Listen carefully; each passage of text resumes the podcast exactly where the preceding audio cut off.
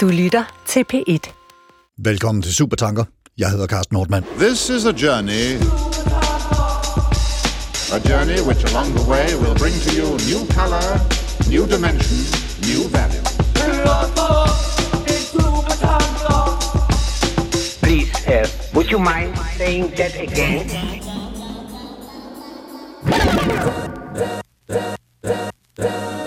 All's my life I has to fight, nigga. All's my life I hard times like yeah, bad trips like yeah. Nazareth, I'm fucked up, homie, you fucked up, but if God got us, then we gon' be alright. Jeg kan faktisk ikke huske, hvornår jeg først stødte på det. Men på et tidspunkt var det der, sådan hister her, og det var noget, folk begyndte at tale om. Og da et aldrende og på mange måder ret konservativt menneske i min nærhed pludselig nævnte det i forbindelse med noget, Harry Potter-forfatteren J.K. Rowling havde sagt, som nogen var blevet sure over, tænkte jeg, at woke-begrebet var noget, jeg var nødt til at forholde mig til. Og finde ud af, hvad var og er. Now let me tell you about my life. Be ready for instant action. Prepared for anything and everything. Og pludselig var der to lejre. Sådan blev det i hvert fald lynhurtigt udlagt. De woke og de anti-woke. Og der var noget, der hed cancel-kultur, som fulgte med ind i diskussionen. Og sociologen og politikeren Henrik Dahl bor i tastaturet, og det samme gjorde Morten Messerschmidt og Pia Kærsgaard. Og de synes, at woke er for meget og frihedsberøvende og verdensomstyrtende. På adskillige måder galt. Og dem, der synes, at der er ting, man bør ændre, og ord, man ikke bør bruge, og holdninger, der hører en ånds- og ligeværdighedsformørket tid til, med andre ord, dem, der bliver udråbt eller udråber sig selv som woke, de synes, at Dahl og Messerschmidt og Kærsgaard og Harry Potters mor J.K. Rowling og psykologen Jordan Peterson og tidligere præsident Trump og præsidentaspirant Ron DeSantis er nogle forstokkede, formørkede, forsmåede fniderhoveder, der ikke kan se den moderne verden, som den er, og ikke bryder sig om at få rokket ved deres fastlåste rollefordelinger, identitetsparametre og forestillinger om verden i det hele taget. Louise Kjølsen, nu fik jeg sagt det J, som jeg ikke skulle sige. Louise Kølsen, psykolog, feminist og twerk queen. Velkommen til dig. Tak skal du have. Woke over for anti-woke. Øh, det lyder næsten som om, det har været sådan en stillingskrig, vi har haft med at gøre. Øh, er det det i dine øjne? Altså, hvis, ja, til dels, det er i hvert fald der, vi jo nok er endt henne. Det er nok der, hvor vi sådan, de fleste af os øh, kender til, til woke.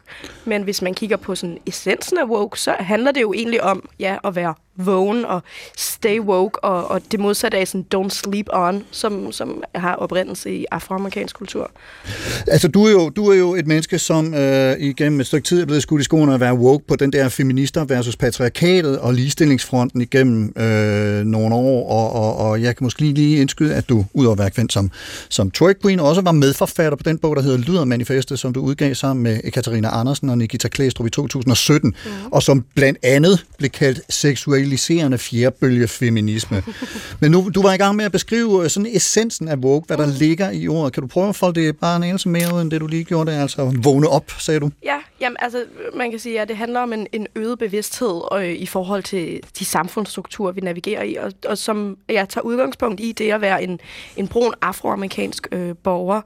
Og så er begrebet jo sidenhed ligesom blevet kapret af den konservative højrefløj, og som du meget fint sagde det selv, blevet skudt i skoene på nogen. Altså, jeg tror aldrig rigtigt, jeg har brugt begrebet woke om mig selv, men det er sådan noget, andre folk peger på og siger, øh, fordi jeg synes, at... Øh, at ens løn ikke skal være afgjort af ens køn, eller at øh, selvmordsraten burde være mindre for transkønnede børn, så er jeg åbenbart woke. Og, og det er jo egentlig sådan en mærkelig sådan paraplybegreb for bare at være øh, sådan radikal lighedselskende, eller sådan søge efter en verden, hvor at, at magten er lidt mere lige fordelt.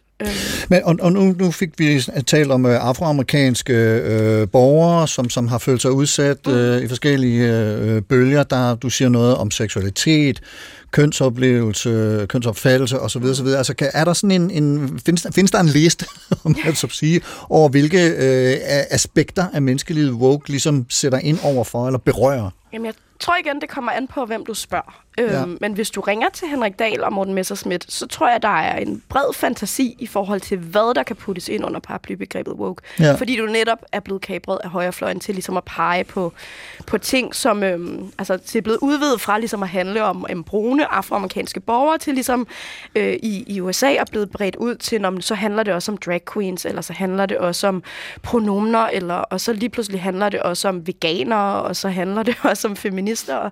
Så det er, det er sådan et, et mærkeligt paraplybegreb, som, som gælder alt fra, øh, jeg har ikke lyst til, at du siger det her ord, eller jeg vil gerne have, at du tiltaler mig med de her pronomner, til, øh, til sådan, hvilket noget mad skal vi spise i kantinen, eller hvad må vi klæde os ud som til faste lavn. Ja. Øhm, så ja, jeg, jeg tror, listen er lang, hvis vi spørger de rigtige mennesker. Ja. jeg håber, at et af, et af de rigtige mennesker, øh, som, som vi kan spørge, det kunne måske være dig, Peter Elberg, studielektor i historie ved Saxo Instituttet på Københavns Universitet. Velkommen til. Tak skal du have. Du øh, har forsket i LGBT-historie, og du er medredaktør på en øh, international antologi med arbejdstitlen Transnational Queer History. Ja. Øh, hvis du skal prøve ligesom at, at give os din essens af, hvad woke er, hvordan lyder den så? Jamen altså, lidt som Louise sagde, at det er ikke noget særligt godt begreb, og det er ikke noget, som nogen rigtig i dag bruger om sig selv, men, men altså, det kommer jo fra den, den øh, skal vi sige, sorte frihedskamp i, i USA, hvor der ligesom var skal vi sige, sorte mennesker, som sagde, som troede på den amerikanske drøm om, at jamen, jeg kan blive lige, hvad jeg har lyst til, og nu har vi ligestilling, racismen er afskaffet. Det var sådan de sovende sorte mennesker, ikke? Og så var der dem, der var woke. Det var dem, der havde indset, at samfundets strukturer holdt dem nede, selvom det ikke sådan lige var synligt. Ikke?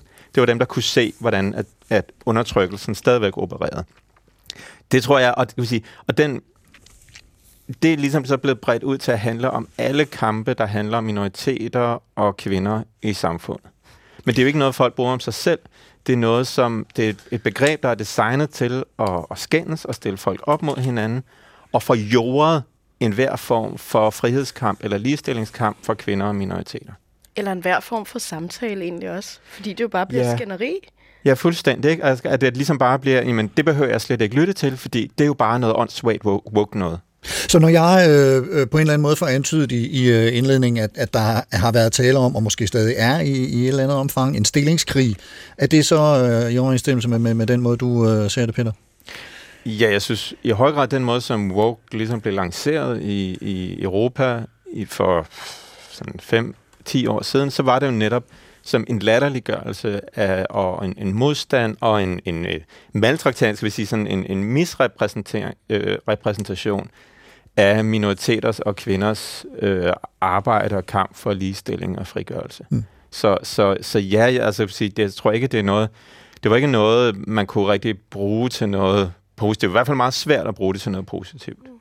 I, i, i øh, forbindelse med hele den her øh, øh, hvad skal man sige, racediskussion, som, som det udspringer af oprindeligt, og hele Black Lives Matter-bevægelsen øh, mm. og den slags, der findes der noget, der hedder Black, bliver kaldt Black Crit, Ja. som er sådan en sammentrækning af, af ordene Black Critical Theory. Øh, så hvis vi sådan her øh, skal, skal prøve lige at antyde øh, nogle hvad skal man sige, filosofiske overvejelser, som vi kan have med os i baghovedet, mens vi taler videre om det, øh, så, så er Black Crit øh, noget, der, der i nogen grad tager øh, udgangspunkt i øh, øh, den gamle Frankfurter skole. Vil, Ja, vil du prøve lige at bare kort sætte nogle ord på det? Ja, altså det er, jo, det er jo noget af det, der er rigtig spændende ved, skal vi sige, nogle af de tanker, som folk i dag kalder woke. Det er, at det er nogle filosofiske tanker, der trækker lange tråde tilbage i europæisk og amerikansk øh, filosofi. Og netop i dag hedder, det, hedder noget af det hedder sådan Black Critical Theory. Det, det, har, det trækker tråde tilbage til Frankfurterskolen, som var en tysk bevægelse inden for filosofien i 1930'erne og 1940'erne og frem efter, øh, som igen trak tråde tilbage til Karl Marx og Friedrich Engels og nogle af deres tanker. Så det er, skal vi sige, som, det var sådan en form for en nylancering af, af en udogmatisk marxisme i 30'erne og 40'erne, som så, skal vi sige, har øh, fortsat i europæisk filosofi langt op i tiden. Det har også, skal vi sige, øh, rødder tilbage i en fransk tradition for strukturalisme og poststrukturalisme, med navne som Michel Foucault, som jo også tit nævnes i forbindelse med woke, og også sådan en som Jacques Derrida og, og andre franske filosofer, som kom af en lidt anden tradition, men som havde mange af de samme tanker, som Frankfurterskolen havde. Og, og, og som jo lige præcis de to, du nævner der, altså Foucault og der i dag, er jo nogen, som, som øh, den kanadiske psykolog Jordan Peterson gerne udråber som de store onde dyr i åbenbaringen, øh, hvis han kan komme afsted med det, og nogle af, mm. af, af de mennesker, som, som øh, læser hans værker og øh, hører til det. Øh, hvis, hvis, hvis du skal sådan lige hurtigt overskriftsagtigt, Louise, skal, skal øh, sige, hvilke nogle, nogle, nogle teoretikere du øh, har støttet dig til i det her, og så vi folder dem ud øh, senere, så, så hvem, hvem kunne det så være? Jamen altså, man kan sige, jeg har jo læst mig rigtig meget ind i det her fra sådan et feministisk kønsperspektiv, og sådan Ja. et, et, øh, et sådan dekonstruerende kønsperspektiv, så derfor så har jeg læst øh, en del Foucault, øhm, rigtig meget Judith Butler, som jeg ved, vi også skal snakke om senere hen, ja. og så øh, sådan den danske version, eller sådan en, en, en dansk kønsforsker, der er inspireret af Butler, men som bare lige gør det greb, at hun skriver på et sprog, så vi alle sammen kan forstå det. på sådan, det jeg vil kalde menneskesprog, og det er jo rigtig dejligt. Øh, især når man sidder og bakser som, øh, som psykologistuderende med Foucault og Butler. Som øh, Dorte Marie Søndergaard, som er en super dygtig dansk kønsforsker, øh, som også bryder, bryder kønnet ned, og som har været... Øh, afgørende for mig, både i forhold til at forstå mig selv som feminist, men også i forhold til at forstå, hvordan øh, man kan træde ind i den offentlige danske debat og ryste med numsen, og hvad det er for nogle, øh, for nogle reaktioner, det giver, og hvad det er for nogle verdensbilleder, man skubber til, når man gør det som kvinde.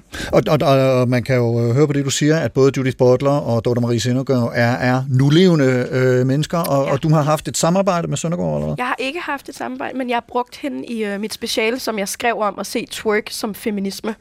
Øh, fordi hvis man skal bruge et halvt til et helt år på at skrive et speciale, så hvorfor ikke gøre det om sig selv? Jamen, det er...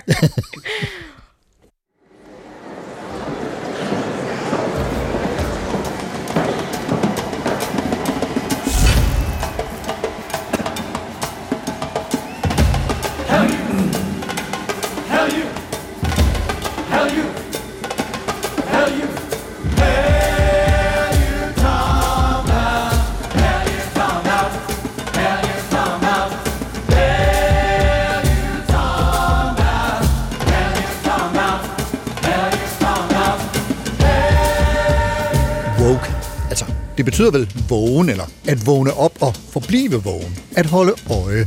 Og det synes mange formentlig, de har været og har gjort altid. Men begrebet wokes oprindelse er alligevel ikke helt let at datere. Altså, siden 1930'erne har især afroamerikanere i USA igennem sange, digte, film, kunst og samfundskritik rettet fokus og opmærksomhed på strukturel racisme og diskrimination på baggrund af hudfarve. At formelle regler og love ikke altid slår til eller bliver eksekveret retfærdigt. Woke kan være meget konkret. Hold øje med politiet, og pas på, at du ikke kommer i klammeri med ordensmagten, som anses for at være indbygget diskriminerende. Say his name.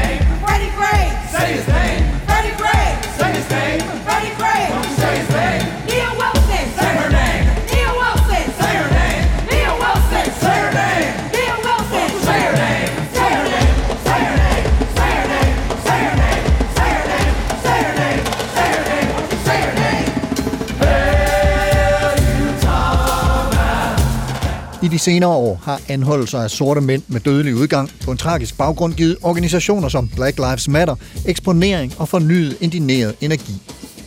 Det er åbenlyst forarvelige i, at simple anholdelser ender med et dødsfald, og at dette til synlædende primært sker for afroamerikanere, har nærmest genoplevet borgerrettighedsbevægelsen fra 1950'erne.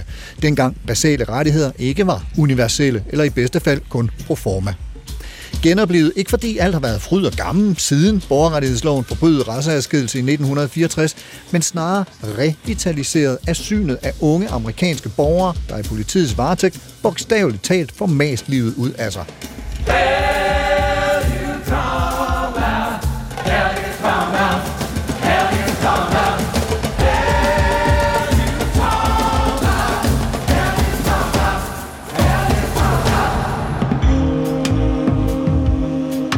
Men woke, forstået som fokus på og eksponering af strukturelle uretfærdigheder, har bredt sig. Fra primært at handle om farvede amerikaneres omstændigheder til at fagne diskriminering af minoriteter i almindelighed. Det har ført til en udvidelse af det, man skal være woke omkring, altså det, man skal vågne op og indse og holde øje med, på godt og ondt. Woke-begrebet er blevet et næsten universelt begreb i den generelle identitetspolitik. Det er blevet et udtryk for en bredere kritik af normer, traditioner og sådan er det, og sådan har det altid været, hedder. Det giver de skeptiske eller udenforstående indtryk af, at alt er til forhandling. Efterhånden som de emner, woke repræsenterer, er blevet mere accepteret og har ført til konkrete ændringer, er overdrivelser, forvrængninger og skræmmebilleder blevet en platform for både politiske budskaber, latterliggørelse og kommersiel udnyttelse. Overdrivelserne kan fx være påstående som, at ikke nok med, at de selv vil skifte pronomen, de forlanger også, at alle andre skal gøre det. Eller at alle, der er tilfredse og i harmoni med deres køn, seksualitet og krop, lyver bare for sig selv. Latterliggørelse kan være meldinger som, det der LGBT-halløj er det rene bogstav bingo, det er ikke til at finde ud af. Eller, der er snart de første 200 køn, og hvis man kan identificere sig selv, så vil jeg da være en 1000 år gammel papegøje. Og skræmmebillederne kan køre på, at woke forvirrer børn med snak om køn og seksualitet, selv når børnene er helt små. I den woke-lejr, hvis vi et øjeblik accepterer, at opmærksomheden på social retfærdighed og rettigheder for minoriteter er en kamp, der skal vindes over nogle andre, findes der naturligvis også ekstreme synspunkter, som, ligesom woke-modstandernes mest ekstreme fortalere, løber med en masse opmærksomhed. For eksempel i form af i overdreven grad at tale på andre gruppers vegne, ofte uopfordret. Eller modsat, ingen andre end lige præcis den gruppe, det handler om, må mene noget som helst om emnet. Og så selvfølgelig at kræve positiv opmærksomhed til sig selv over, hvor moralsk og inkluderende man selv er i karikeret form, bare fordi man tager en lyserød t-shirt på og en homoven under armen. Ordet woke kan synes så inficeret af konflikt, at det snart kun egner sig som fornærmelse og udskamning. Og begge fronter, for der er desværre fronter i diskussionen, risikerer muligvis at råbe så højt af hinanden og generelt i landskabet, at det fjerner fokus fra, at der er grupper i samfundet, der på trods af love og regler lever med nogle helt andre og vanskeligere vilkår end flertallet. Og er det ikke netop det, der må være idealet? Og få alle med på en ordentlig og respektfuld måde, om det så hedder woke eller ej.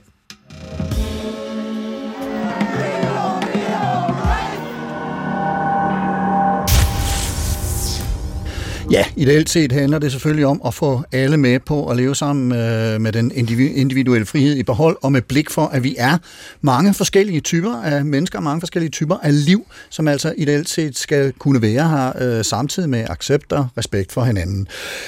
En af de forfattere, du var inde på hende for et øjeblik siden, øh, Louise, en af de forfattere tænker, der ofte bliver udråbt som både woke-dronning og identitetspolitikens urmor, det er amerikanske Judith Butler.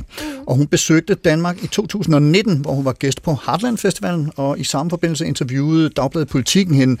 Og i det interview sagde Butler blandt andet, og jeg citerer, Vi var så trætte af at gå til møder, hvor man skulle erklære sin seksualitet. Åh, oh, jeg er homoseksuel, jeg er lesbisk, jeg er biseksuel. Men hvorfor alle disse deklarationer? Hvilken forskel gør det?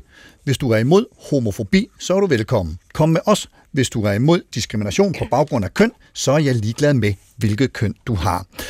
Og Peter Elberg, det var dig, der pegede mig i retning af, af, af den passage, som mange af Butlers på proselytter var noget forbavset over, fordi det var som om, hun pludselig trak i land på en masse, som hun havde stået for indtil da. Hvad, hvad mm. synes du er det interessante ved det, hun siger her, og, og sat ind i sådan en, en 2023-sammenhæng? Ja, altså jeg ved ikke, jeg ved ikke lige, hvem de der Butlers proselytter var. Øh, for, og jeg tror netop, at pointen var, at hun ikke trak i land på noget, hun havde sagt rigtig længe. Jeg tror, hun, hun, hun sagde det, som hun sagde i 1990 med sin bog Gender Trouble. Fordi den havde jo en undertitel, som mange havde glemt, og det var The Subversion of Identity. Og på det dansk vil det være omvendingen altså undergravningen af Ja. identitet. Mm-hmm. Ikke? At man ligesom skulle, skulle ikke afskaffe identitet, men man skulle undergrave det. Ikke? Man skulle stille spørgsmål ved det. Man skulle kritisere den der forestilling om, at der var en klart skelne mellem homoseksuelle og heteroseksuelle, transkønnede og ciskønnede. Altså skal vi sige, at vi var ligesom født i forskellige lejre, og vi kun kunne forstå hinanden i vores egen lille lejr. Det var jo det, hun gerne ville gøre op med. Så hun hun var så træt af, at det kun var dem, der ligesom havde den rigtige identitet, der måtte være med på møderne. Så det var jo egentlig det, hun altid havde sagt. Men, men, men i, i, i den populære forestilling om Judith Butler, så er det jo blevet til noget andet. Så er det blevet til alt, hvad der ligesom er rigtig galt med verden lige nu, det er noget, Judith Butler har opfundet. Ikke? Fordi altså, de færreste har jo læst hende, og, og det er jo også det er jo fair nok, som det kan være svært at læse. Men, men, men så, så skal man da lade være med at gå ud og, og miskarakterisere noget, man ikke har læst. Men, men altså, snak om noget andet, ikke? Så, så jeg, synes, jeg synes, det var så, øh, så fantastisk at, ligesom at se hende på dansk i politikken, ligesom sige meget klart, jeg har aldrig stået for det her, jeg har aldrig gået ind for det her.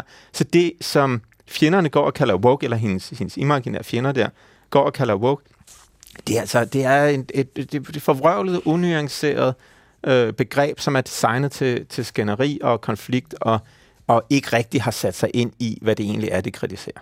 Lyse? Jamen, jeg må jo krybe til korset nu og sige, at jeg var en af butler. Hvad var ordet, vi brugte her? Proselytter. Proselytter. Disciple. Ja, som, øh, som læste og tænkte, hvad? Jeg troede, at vi havde dekonstrueret køn, og jeg har jo netop, altså kan man sige, set Butler blive brugt rigtig meget til netop at snakke de her øh, kønsteorier om netop at forstå, øh, forstå forskellige undergrupper af køn også. Så da jeg først læste øh, det, her, det her citat, så tænkte jeg, det lyder helt vildt boomeragtigt ikke at tage højde for, hvilke nogle kategorier det er, vi dykker ned i. Men da jeg så læste interviewet, og ligesom forstod konteksten af, at, øh, at det er jo faktisk fordi, hun, hun, øh, hun siger fra over for at blive kaldt moderen til identitetspolitik. Mm. Øhm, og, og da jeg forstod, at det jo netop handlede om øh, det her magtgreb af, at hun jo netop siger, at dem, som kalder det identitetspolitik, dem, som kalder det woke, det er en, en, en, en, ofte en konservativ højrefløj, men egentlig siger hun også bare hvide rigsismænd, som er dem, der sidder på magten. Og det, den her øh, opdeling handler om, at- at det, er, det bliver jo netop til at, til at afmontere kampen for lighed. Og det hun siger, at woke eller krænkelsesparat eller identitetspolitik eller politisk korrekt, alle de her sådan, brede termer, man putter ned over, at det er fordi, det er enormt svært at pege på nogen og sige, nej, hvor er du dum, dig som kæmper for lighed for alle, fordi det ligesom er sådan et... Øh, Det kan man alligevel ikke tillade sig. Nej, det er svært, ikke? Det er svært at sige, nej, hvor er du dum, dig som prøver at nedsætte selvmordsraten for transbørn. Så ja. er det nemmere at sige, øv, hvor er du krænkelsesparat, eller øv, hvor er du woke. Øhm, så det, det, jeg må bare sige, som en, som troede, hun havde læst Butler og forstået det rimelig godt, så tog det mig lige sådan øh, et øjeblik at fordøje det her. Fordi jeg jo er vokset rigtig meget op i og skolet i en, en kønskultur, hvor at det er vigtigt at kende til de forskellige kategorier, fordi ellers kan vi ikke se intersektionerne af den måde, verden møder og aflæser os, og derfor kan vi ikke navigere i, hvem der bliver behandlet ulige på hvilke måder. Men, men det, det er jo også en tilbagevenden så for, for mig øh, at, at se til den der, hvad skal man sige, teoretiske del af woke-begrebet. Altså, at det ud over nogle af de der praktiske skyttegravskrige, som, som vi har været vidner til øh, på den ene og den anden måde, så er der en, en, en teoretisk base, som, som det tager udgangspunkt i. Og jeg ved ikke, om det er jo det, du lige markerede for at, at vende tilbage til, Peter, men, men øh, Jeg, jeg synes, jeg, synes jeg, altså jeg, jeg kan godt forstå, at, at, at folk måske tænkte, at, at, at Butler gik ind for noget andet, og jeg tror da også, at, skal vi sige, nu, nu skal jeg ikke som butale, hvad Butler egentlig mener, men, Ja. ja. men, men hvis jeg bare... Det vil jo være mansplaining, så der skal du lige... Præcis, og det er jo ikke særlig fedt. Så, så, men jeg kan sige, hvad, hvad jeg selv mener, at, at øhm, jeg synes, det er jo helt fint, hvis der sidder nogle sorte mennesker på Nørrebro, eller brune mennesker, og siger, vi vil gerne have en fest, hvor det er bare os, fordi at vi har sgu et fedt fællesskab sammen. Eller vi vil gerne lave et fedt fællesskab sammen. Eller hvis der er nogle lesbiske, der siger, "Men kan vi ikke lave et møde, som kun er for lesbiske, hvor vi snakker om, hvad vi egentlig har brug for. Mm. Altså, det kan der være rigtig meget behov for, mm. at man ligesom mødes og snakker sammen, og det tror jeg, det tvivler jeg på, at Judy, Butler vil have noget imod. og, og jeg har i hvert fald ikke, jeg synes, det er rigtig fedt. Men hvis folk siger, og sådan skal vi gøre mm. i alt, hvad der har med politik at gøre. Mm. Vi skal organisere os efter vores identiteter. Der må ikke være nogen overlap. Og så skal vi hver især, skal vi sige, øh, kun snakke om os selv, eller vores egen gruppe. Mm. Så siger det synes jeg er en rigtig, rigtig dårlig idé. Og jeg synes også, det til dels kan være en dårlig idé, ligesom at gå offentligt ud, og for eksempel at sige, at vi laver en demonstration, som primært er for, for sorte og brune mennesker. Fordi på en eller anden måde, så får man også sagt til offentligheden, det er sådan, man skal organisere politik. Mm. Så der synes jeg, man går for langt. Det er så min holdning, og jeg synes, de nuancer i forhold til at sige, men det handler ikke, skal vi altid organisere os efter identiteter, eller skal vi aldrig organisere os efter- efter identiteter? Sige, jamen, der kan være forskellige behov i forskellige situationer. Jeg synes, Judith Butler, hun, øh, hun forklarer det vildt godt med det, altså sådan den ene sætning, hvor hun siger, abort er, er, er muligvis til dels et, øh, kan man sige, kvindeissue, eller i hvert fald dem med livmødre, det er tit dem, der har børnene inde i maven. Ofte, Men, ja. ja, oftest. Men hvor hun siger, øh, altså hvis du, er, hvis, du er, hvis du går ind for frihed, så du selvfølgelig går du ind for abortrettigheder. Så det her med, at, at vi kan godt sige, at noget er øh, for folk med livmødre primært, men hvis du går ind for frihed, hvis du går ind for lighed, så skal du kæmpe for alle de rettigheder. Så jeg synes egentlig, det var et ret godt skæld imellem. Øh, netop, man kan godt forstå verden med nogle kategorier, men vi er nødt til alle sammen at kæmpe for de, de sådan fælles emner, og man kan ikke dele verden op i det her lighed handler kun om mig, øh, fordi så begynder man jo bare at kæmpe om retten til at diskriminere andre. Og det er i hvert fald ikke særligt Judith Butler-agtigt. Nej. Men, men noget af det, som, som jeg, da jeg øh, mødte det her citat, som, som, som øh, jeg lige læste højt, det var jo blandt andet, og, og, og det er også øh, det, du er inde på der, Peter, det er blandt andet den der diskussion, om en hvid skuespiller kan lægge øh, stemme til en sort karakter eller en farvet karakter i, øh, i en tegnefilm, om mm. øh, en, en, øh, en, der ikke i sig selv er, er tyk, kan spille en tyk person med, med et eller andet fatsuit, eller jeg ved jeg kan ikke huske, hvad de kalder det i, mm. øh, i filmverdenen. Men altså den her med at gå ind i andres kampe og, og, og måske øh, med et ønske om at, at befordre øh, de gode argumenter for øh, alles øh, ligeværd og berettigelse osv. osv. Altså, hvor, hvor, hvor er vi i forhold til den for, ja, for dig at sige til at starte med? Jamen der synes jeg i høj grad også, at vi bliver nødt til at forstå, at der er nogle relevante betragtninger i det, og der er nogle, nogle vigtige pointer. Der er en vigtig pointe i, at homoseksuelle skuespillere ikke har fået, hvis de sprang ud, de fleste har bare holdt sig inde i skabet, hvis de sprang ud, så kunne de ikke få roller som heteroseksuelle. De kunne ikke få lov til at spille andet end homoseksuel, fordi det blev oplevet som om, at de ikke kunne troværdigt være andet end homoseksuel. Ikke? Det, det, det vil sige, at falden klappede, når de sprang ud. Mm. Og det har været et kæmpe problem i filmverdenen og tv-verdenen, at, at homoseksuelle og øh, transkønnede bliver diskrimineret på den måde. Nu er vi så kommet til, at, skal vi sige, og nu er vi så kommet til, at, at, at der så er heteroseksuel, der så spiller homoseksuel eller ciskønnet, der spiller transkønnet, og så er der nogle homoseksuelle eller ciskønnet, eller transkønnede skuespillere, der er sådan lidt, hey, altså hvis vi ikke engang kan få lov til at spille os selv, hvem fanden kan vi så få lov til at spille? Ikke? Hmm. Så der kan jeg godt forstå, at der er en frustration, men på den anden side, så for mig at se, må pointen være, at homoseksuelle og transkønnet kan spille alle roller. Mm. Vi kan også godt have en transkønnet til at spille cismand mm. i en, i en tv-serie eller en film. Det er det, det er der, jeg gerne vil hen.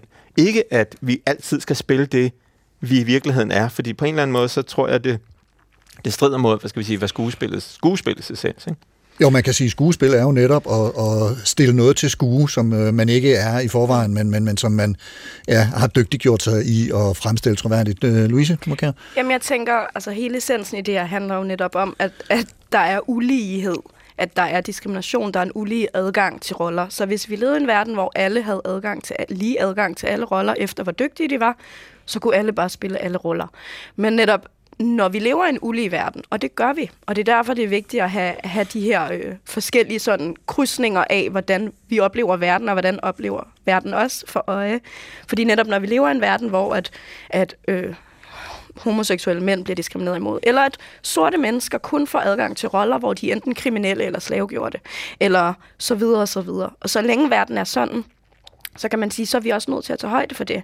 Og så er vi nødt til, lidt ligesom når man snakker, det er jo en af mine yndlingsdiskussioner, ikke? kvinder i bestyrelser og kvoter, og så er folk sådan, nej, men man skal jo ikke have adgang bare på grund af ens køn, man skal jo have adgang på grund af ens kvalifikationer, og så må jeg lave sådan en, øh, en, en rude awakening og, og ruske nogen vågne, ikke? og sige, men sådan er det ikke i dag.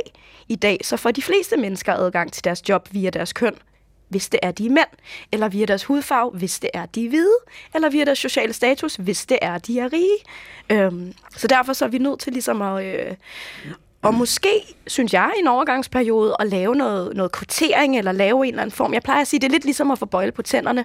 Det er ikke så fedt, det ser ikke så godt ud, men de var skæve, og så propper man en bøjle på, og så gror de, og så bliver de lige, og så kan man pille bøjlen af, og så er man sådan, hey, så var der lidt mere lighed inde i munden. Fantastisk.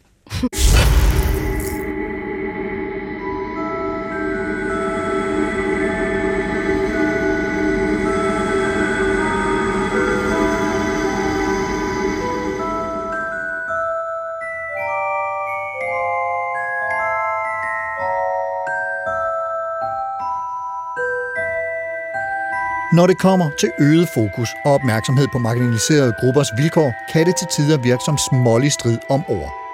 Nogle ord har dog fundet vej til vaskemaskinen, hvor der var så tilpas sårende eller nedværdigende for bestemte befolkningsgrupper, at det store flertal faktisk har ændret sprogbrug.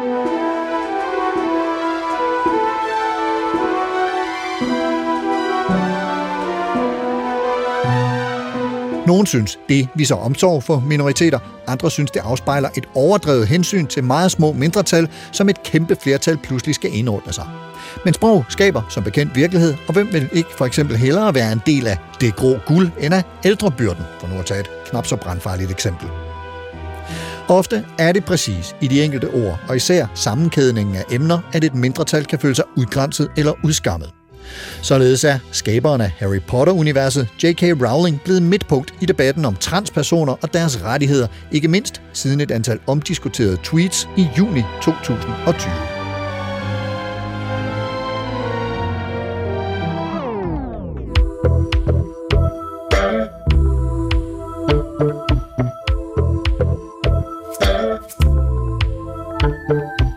J.K. Rowling har kastet sig ind i kampen for kvinders rettigheder og har formået at placere sig et sted, hvor det at kæmpe for kvinders rettigheder er blevet gjort til noget andet, hvis ikke ligefrem det modsatte af transkvinders rettigheder.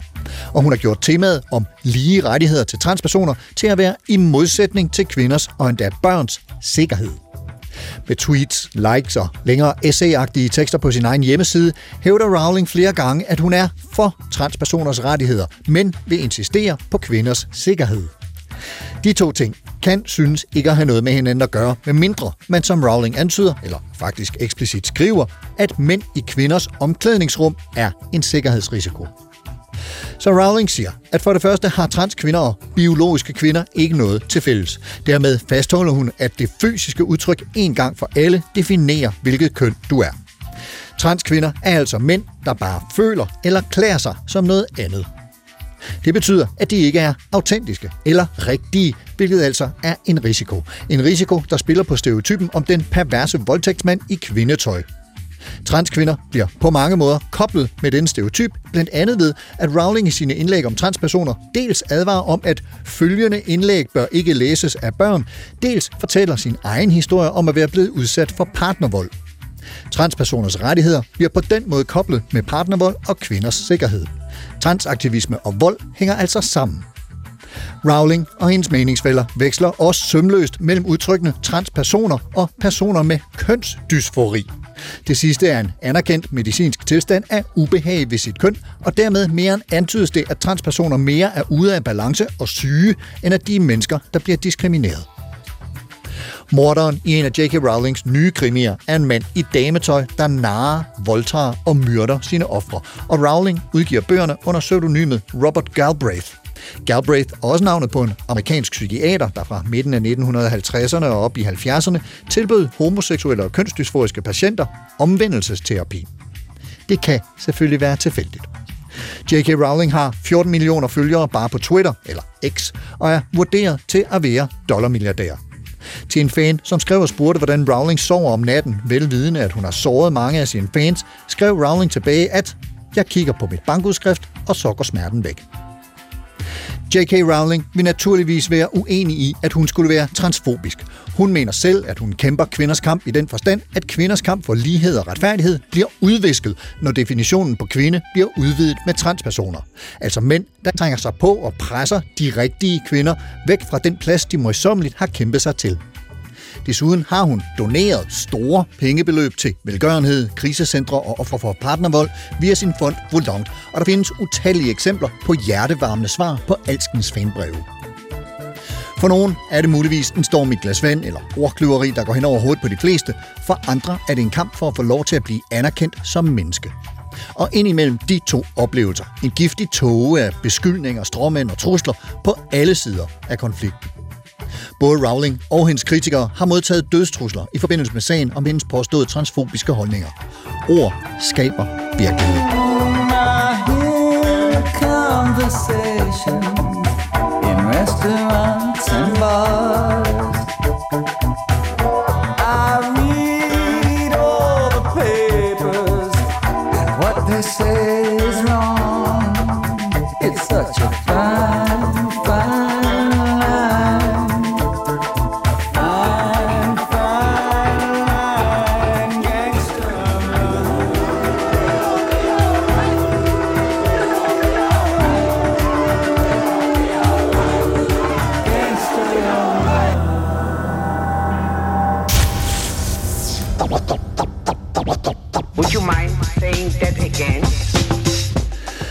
deltagere i debatten om woke, der oplever alle de mange fordringer til vores sprog og vores adfærd og vores accept af diverse køns-, seksualitets- og hudfarveagendaer som et nulsumsspil, hvor nogen er nødt til at afgive noget, for at nogen andre, som oplever sig selv som forfordelte, kan få noget af det. Nogen skal afgive privilegier, for at andre kan opnå privilegier.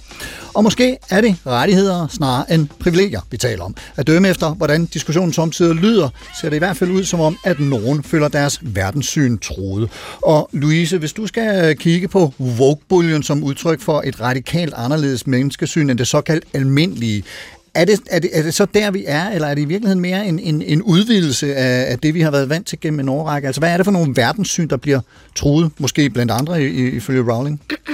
Altså, altså jeg tænker jo egentlig, altså, jeg er lidt modstræben på at kalde det woke, fordi hver gang vi bruger det begreb, så anerkender vi jo netop højrefløjens øh, sådan ligesom pegen på, at det er, at det er noget bestemt. Mm. Men jeg vil sige, den her sådan øgede bevidsthed omkring lighed, eller sådan en større øh, hensynstagen til øh, minoriteter, altså det tror jeg egentlig er en meget sådan naturlig udvidelse. Øhm, jeg tror, det vil være svært ikke at se det ske, når vi har haft så store skub øh, som MeToo og Black Lives Matter, og også klimabevægelsen for den sags skyld, fordi de har den samme form for øget bevidsthed om, øh, om, om hinanden og, og, og det sådan hensynstagen, der ligger i det. Jeg tror, det, det, der sker for, øhm, for kvinder som J.K. Rowling, og også de øh, terfer, som vi ser herhjemme i Danmark, øh, Og det begreb skal vi lige have sat lidt et, tre ord på. Jamen, det er jo transekskluderende radikalfeminister. Ja. Øhm, så det er ligesom en, en gren af feminismen, hvor at, ja, man ser lighed som et nulsumsspil, øh, nulsumsspil, som du selv har sagt, at, at når vi begynder at anerkende transkvinders rettigheder, så tager det noget for kvinders rettigheder. En af de gode eksempler, vi har set i Danmark, det var jo, da, da Kvindemuseet i Aarhus skiftede navn til køn. Mm. Øhm, der var en masse kvinder, også øh, feminister, som jeg sådan set er venner med på Facebook, som, øh, som jeg kunne se reagerede enormt voldsomt, som om, at netop deres øh, eksistensgrundlag blev troet. Og jeg tror, som psykolog, så, øh, så ser jeg det nok til del som en traumereaktion, at når man som kvinde er vokset op i en tid, hvor at, at ens position som, som subjekt, som et menneske med rettigheder og, hold, og holdninger, øhm, det er en relativt ny position så for, for kønnet kvinde at have det, og stadig ikke noget, der bliver, der bliver fuldt respekteret, altså når vi kigger på voldtægtsstatistikker for eksempel. Øhm, så det at få, at få troet de her rettigheder, tror jeg, ligger så fundamentalt øhm, i rigtig mange af de her, især anden, anden bølge feministerne, som har kæmpet, øh, og tak for, at de gjorde det. For Og, at og det jeg- er dem, vi også kalder rødstrømperne Ja. i 60'erne og 70'erne. Ja, ja. Altså, og de har jo taget nogle kampe, der har gjort, at jeg har nogle rettigheder, som jeg ser som en selvfølge. Men jeg tror, der ligger simpelthen nogle, nogle ret dybe traumer af, at de her ting kan blive taget væk fra en. Og, øhm, og så, så er der sådan en eller anden... Øhm, altså mangel på bedre ord, sådan en, en smule ironisk øh, øh, sådan oplevelse af, at, at en endnu mindre minoritet kan tro den position, hvor at jeg jo normalt vil sige, lad os øh, slå pjalterne sammen og vende os mod patriarkatet, som er dem, der undertrykker os alle sammen, inklusive de hvide, heteroseksuelle, midalderne, ciskønnede mænd. Og lige den der, den står for din regning, og det er du Ja, naturligvis... Øh, Det, det er, den, er, den er gratis, den er på Yes. yes. regning. Perfekt. Peter, øh, som, som øh, LGBT-forsker, hvad, hvad øh, synes, synes du om det, øh, Louise siger her? Med, med, med, vi kan jo bruge eksemplet om, om kvinde, køn, køn, museet, og, og, og hvornår er det en udvidelse, og hvornår er det, når nogen får noget, så er der nogle andre, der mister noget. Jamen altså, det, det tror jeg ikke rigtigt på, at det, verden altid hænger sådan sammen. Og det er også ligesom det, jeg prøver at, at, at, at argumentere for her, at have den der idé om, at, at det enten er på den ene måde, eller på den anden måde. Ikke? Der er altid nogen, der skal tabe for, og nogen, der kan vinde. Eller også så er det helt omvendt. Altså, vi ligesom at prøve at se hele feltet ind imellem. Øhm, hvis jeg må tage den lidt anden retning, så var der sådan en skøn undersøgelse på en, en øh, britisk sociolog, der tog ud på nogle gymnasier for at under... Han troede, han skulle ud og finde en masse homofobi og dokumentere en masse homofobi. Og så kunne han ikke se noget. Altså, det, var- de, øh, de homoseksuelle, og det var sådan, at han undersøgte maskulinitet. Så det handlede om de unge fyre. Og, og de unge bøsser, de var en del af den sociale gruppe. Der var ikke nogen, der ligesom havde homofobiske holdninger. Øhm, og så skal vi sige, homofobi var, skal vi sige, det var sådan en post-homofobisk gymnasie, han var ude at besøge. Ej, hvor Og det var rigtig spændende, fordi det han kunne se var, at ikke, det var super fedt for dem, der var bøsser på gymnasiet. Og han interviewede dem, og de sagde, at de havde, de havde det rigtig dejligt på det gymnasium. Og så kiggede han på, hvordan de heteroseksuelle fyre mm. opførte sig. Og de kunne gøre alle de ting, som piger kunne gøre i gamle dage med at sidde og nusse hinandens hår og sidde på skødet og give hinanden kram og sige, jeg elsker dig, fordi du er min ven og sådan noget. De kunne gøre en masse dejlige ting, som de selv synes var dejligt, men som de ikke kunne i gamle dage, fordi så var der nogen, der havde råbt ad bøsse, mm. sådan der, som der var i min skolegård, hvis drengen kom for tæt på hinanden. Mm. Og det viser jo bare, at hvis du afskaffer homofobien, hvis vi bare leger med den tanke, så er det jo ikke sådan, at, at der er nogen, der mister noget. Alle vinder. Mm. Alle vinder rigtig meget. Øh, så, så jeg tror slet ikke på den der med, at der er nogen, der skal miste deres privilegier, for at andre kan få en større bid af kagen. Men kan vi sige, hvis vi skal vende tilbage det der med, skal vi sige... øh, Undtagen Jeff Bezos måske.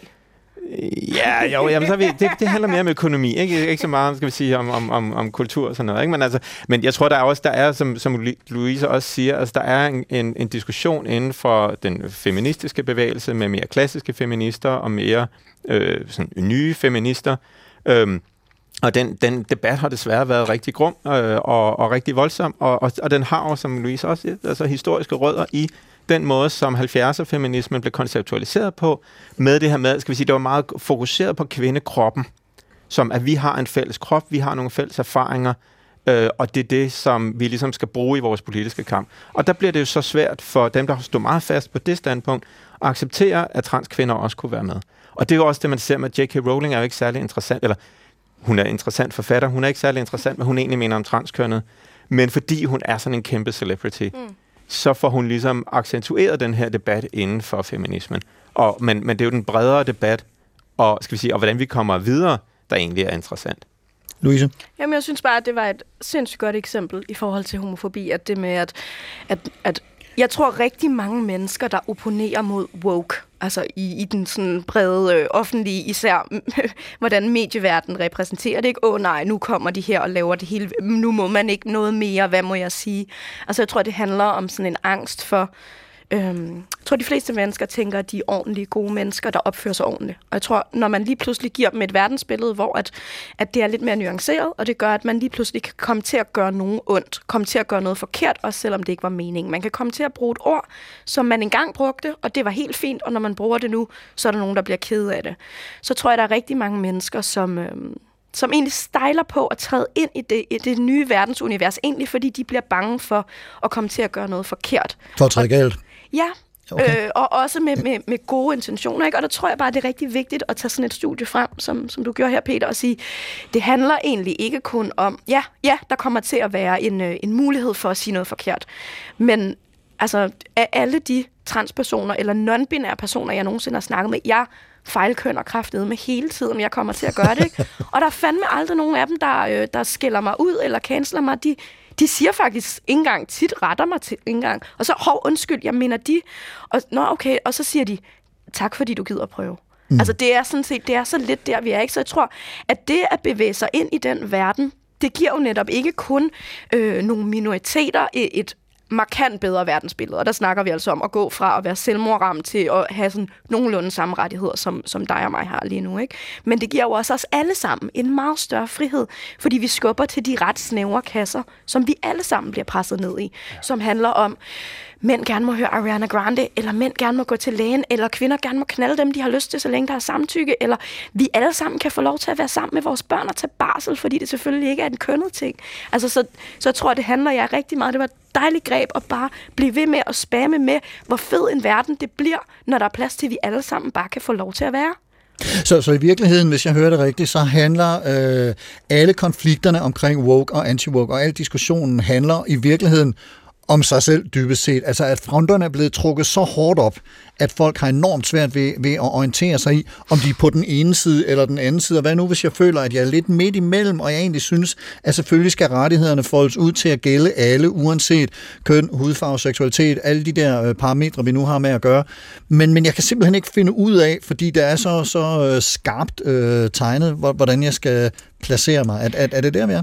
Altså, jeg tror, hvis vi skal snakke om at trække fronterne op, så er vi nødt til at gå his- kultur historisk tilbage og se, fronten bliver jo trukket op af den måde, den konservative højrefløj bruger woke-begrebet for at skabe en konflikt. Som Peter også sagde, at det her, det er begrebet er lavet til, at vi skal skændes. Øhm, og det er klart, når, når medierne, øh, og det har de været rigtig gode til, griber det, fordi at når man skændes, så giver det rigtig mange kliks og rigtig meget likes og, og rigtig god interaktion, både på sociale medier, også i radioen og i tv og i deadline og så videre.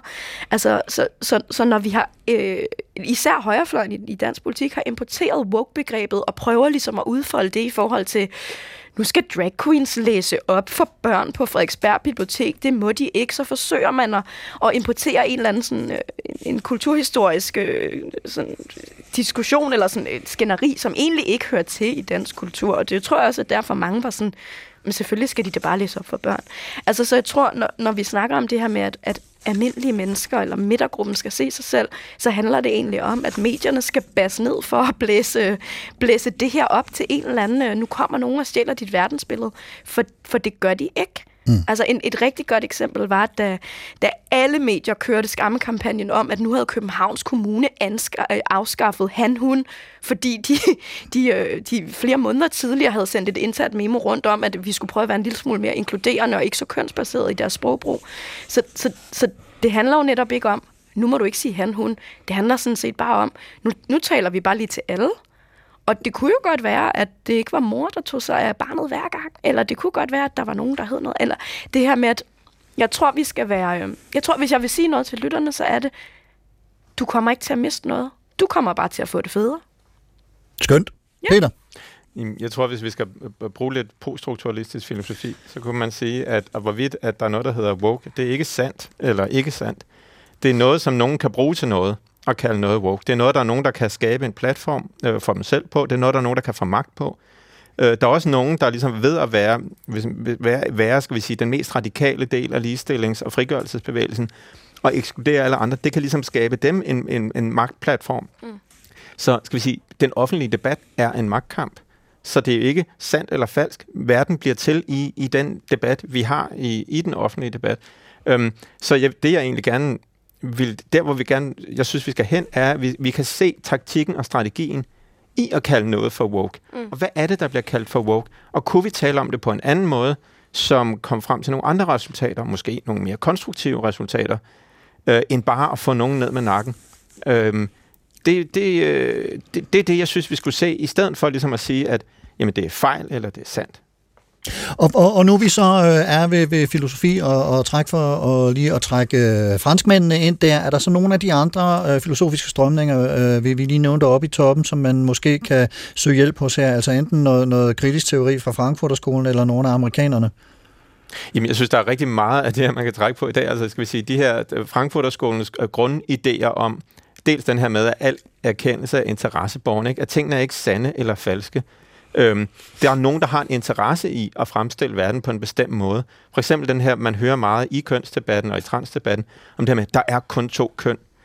Ja, altså hvis vi kun kigger på sådan øh, anatomisk reproduktionsapparat, så, så kan man godt ligesom konceptualisere det på den måde. Så, så det, det kan også en måde... Heller at- ikke der, faktisk. Det kan man faktisk ikke. Ja, man kan gøre mange ting, ikke? Eller hvad skal vi sige? Og, og, og skal vi Ikke sige, det er ikke, det er ikke, um, det er ikke nødvendigvis forkert, men, men skal vi sige, men køn er jo meget mere end det. Køn er jo også følelser, køn er jo også identitet, køn er også kultur. Og skal vi sige, det kan man heller ikke bare skære fuldstændig væk, ikke? Så skal vi sige, der er nogen, der har en interesse i at fremstille på den ene måde, der er nogen, der har en interesse i at fremstille på den anden måde.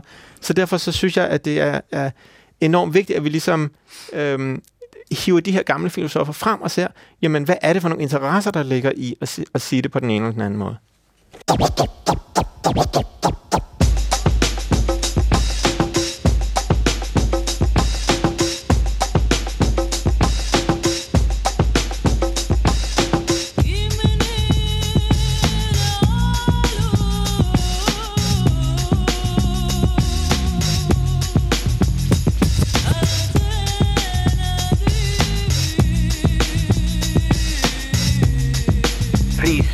Would you mind saying that again? Thinking of a master plan. Supertanker, Louise, Peter og Carsten og Judith Butler og Marx og Frankfurt og Søndergaard og de franske poststrukturalister. For nylig læste jeg en øh, avisartikel, der blandt andet handlede om, at både woke og anti-woke var peaket, og at en af de store anti-woke markskrigere, øh, guvernøren i Florida, Ron DeSantis, som også er med i kampen om at blive præsidentkandidat for republikanerne i USA, måske var ved at tabe pusten. DeSantis udtalte for noget tid siden efterhånden, at Florida er der, hvor woke tager hen for at dø, og nu siger nogle af hans kritikere, at øh, woke er der, hvor DeSantis og hans kampagne tager hen for at dø. Øh, Louise, for dig at se, øh, har, har, har den her diskussion peaked, sådan som øh, artiklen hævder? Er, er den ved at ligesom jævne sig ud og finde et leje, hvor vi rent faktisk kan have en samtale om øh, ja, rettigheder og mangel på samme?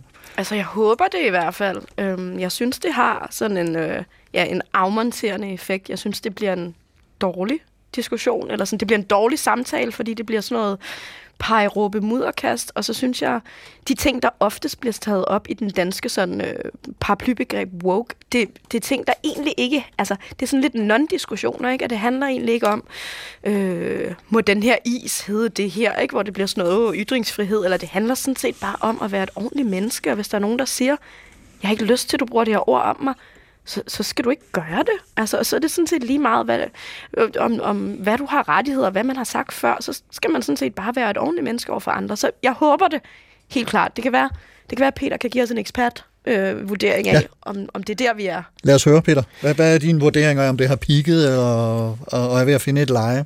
Jeg- synes generelt, det jeg oplever er, at folk er mindre og mindre interesseret i det der woke og anti-woke. Altså, at det, det, fordi det er, også, det er jo en blindgyde, og jeg synes, men det, jeg synes, der er så vigtigt, er, at anti-LGBT-politik, det har sgu ikke toppet. Mm. Altså, der ser vi, hvordan at LGBT-personer i stigende grad bliver kriminaliseret i Rusland, at de bliver kriminaliseret i USA, i Uganda, i Libanon, øh, en række lande. Vi ser også sådan en stigende sådan antitransbevægelse i Danmark og, og i Sverige i øvrigt også. Så skal vi sige, øhm, det som, men det er ikke anti-woke, det er anti-LGBT-politik. Mm. Det er rigtige mennesker, der bliver udsat for en, en enorm repressiv politik og øh, dødsstraf og, og, og retsforfølgelse i, i flere lande. Men er vi ikke også det er skide vigtigt, at vi er opmærksomme på det. Og det, det kan vi ikke se, hvis vi øh, sidder fast i den der woke kontra anti-woke. Så tror vi, det hele handler om, om må, må man sige de til nogen, eller skal man sige han, hun, eller sådan. Altså, det, der er nogle rigtige problemer her, vi, vi skal løse. Ja, for er vi ikke enige om, at sådan, når politikere kalder det anti-woke, at det er fordi, det er, tror jeg, lidt mere spiseligt, end at sige, jeg er anti-LGBT. Jo, jo, præcis. Altså, at, at, at det, er jo, det er jo det er et skalkeskjul for noget andet. Så, så kan vi ikke blive enige om, øh, os tre herinde i studiet, at fra nu af, så skærer vi ligesom ind til kernen, og så siger vi, at det her handler om, at du er imod transpersoner. Og så siger vi, det synes vi, du skal lade være med, fordi de skal have rettigheder ligesom alle os andre. Og det er jo i virkeligheden det, Judith Butler, som vi øh, lavede ud med at citere, øh, siger, er det ikke rigtigt? Jo. Jo, altså, hvilken del? At, at det, det, at, øh, at, at, er at, øh, hvis du er imod homofobi, hvis du er imod transfobi, hvis du er imod øh, alle de der Ja. fobier, så, øh, Ja. så, så kan vi finde øh, en verden sammen, hvor vi Ja. opfører os ordentligt over for hinanden. Så Ja, anti-woke er et røgslør, Amen. som vi lufter ud for nu. Amen, ja. Hvis vi nu så lige bare sådan afslutningsvis øh, skal, skal prøve på en eller anden måde at opregne. Altså vi må ligesom øh, se i øjnene, at det her det er en diskussion, som er pågået i, i en årrække, og der har været nogle fronter, der har været trukket virkelig hårdt op, og der er måske også nogen, som, som synes, de har opnået nogle resultater. Nu nævner du godt nok, Peter, at, øh, at LGBT-personer, i meget transpersoner i, i meget vid udstrækning, stadigvæk bliver udskammet, diskrimineret og samtidig ovenikøbet straffet i, i nogle lande rundt om i verden.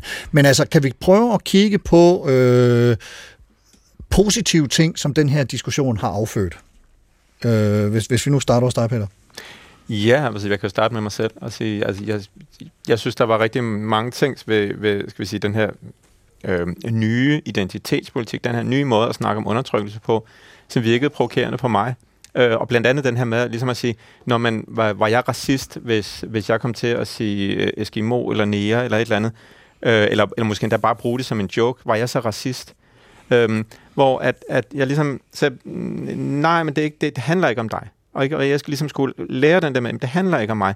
Det handler om, at der er nogle mennesker her, som skal høre på det her, ikke bare for dig, Peter, men 100 gange om dagen. Og en aggregeret effekt af det her er racistisk. Det mm. skubber dem ud, ud af samfundet. At, at, at folk ligesom føler, at de har ret til som enkelte personer at bruge de her ting. Sådan, sådan en, en læreproces, synes jeg var rigtig positiv for mig. Øhm, Så, og jeg tror, den synes jeg, jeg ser rigtig mange steder, og folk ligesom øh, kan kigge lidt mere nuanceret på det og sige, jamen der er, nogle, der er nogle gode pointer i det her. Det betyder ikke, at jeg så at sige køber hele pakken, at jeg er enig med alt, hvad de mest radikale aktivister siger. Øhm, men jeg kan ligesom, jeg kan lære noget af at lytte, fordi der er måske en pointe, øh, selvom at man, jeg også kan være uenig i nogle ting. Hvad siger du, Louise? Gode Jamen. ting, der er kommet ud af den her diskussion.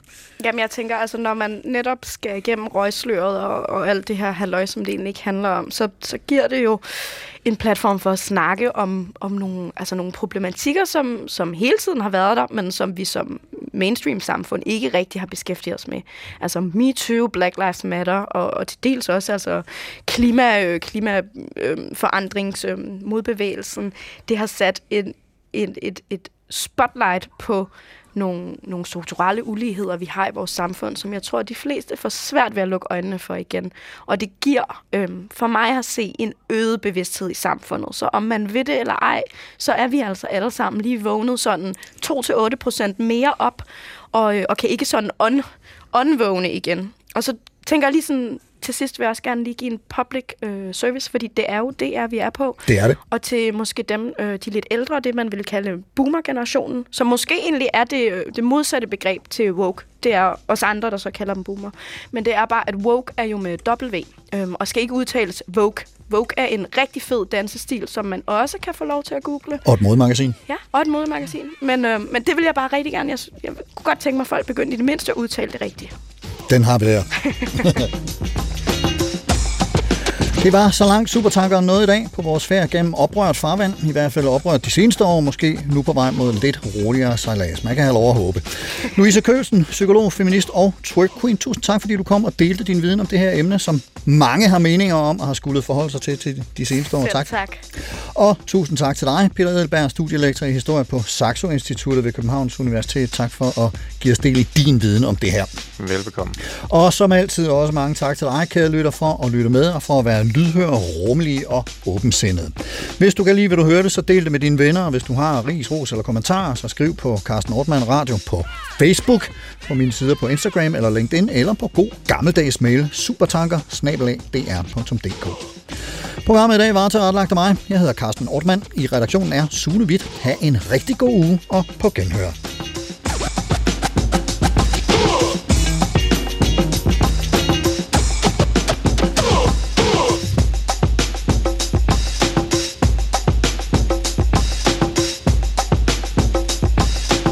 Thinking of a master plan.